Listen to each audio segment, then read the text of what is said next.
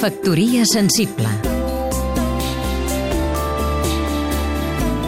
Queta Carmany, periodista Recordo perfectament el dia que la meva mare em va comprar un jersei de punt. Era un jersei vermell en dibuixats geomètrics roses i em va semblar la cosa més preciosa del món. La llana era fineta, les puntades eren totes iguals i no tenia trenes teixides ni regruixos per dins. Era un jersei fabricat, comprat en una botiga. Res de vine un moment que miraré si t'està bé de llarg. Havia estat entrar, en provar i comprar era la felicitat. Eren els anys 80 i vaig donar una gran benvinguda a la fabricació en sèrie i la roba sense personalitat.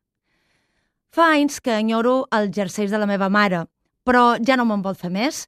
Això sí, tenc una gernació d'amigues que me'n podria fer d'iguals.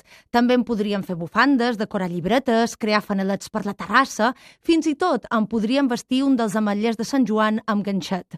El Festo Tu, do it yourself pels que volen ser més moderns, és una febre que ja ha donat lloc a un saló, el Handmade Festival, que es fa a la Fira de Barcelona el cap de setmana del 24 d'abril. Als 80, en una època de benvinguda a la modernitat, elevàvem la fabricació en sèrie. Ara, amb la crisi, recuperem l'esperit de donar una segona vida a les coses o de fer-les un mateix.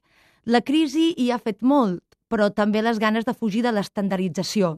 En un moment en què les grans cadenes vesteixen exèrcits de persones a tot el món, on va igual un jove de Londres que un de la Xina, sorgeix aquest corrent que pretén buscar l'autenticitat, el valor de donar una història a les coses, des d'una samarreta fins a la roba del teu nadó, ni que sigui una història petita, d'orgull de dir m'ho he fet jo mateix. Factoria sensible. Seguim-nos també a catradio.cat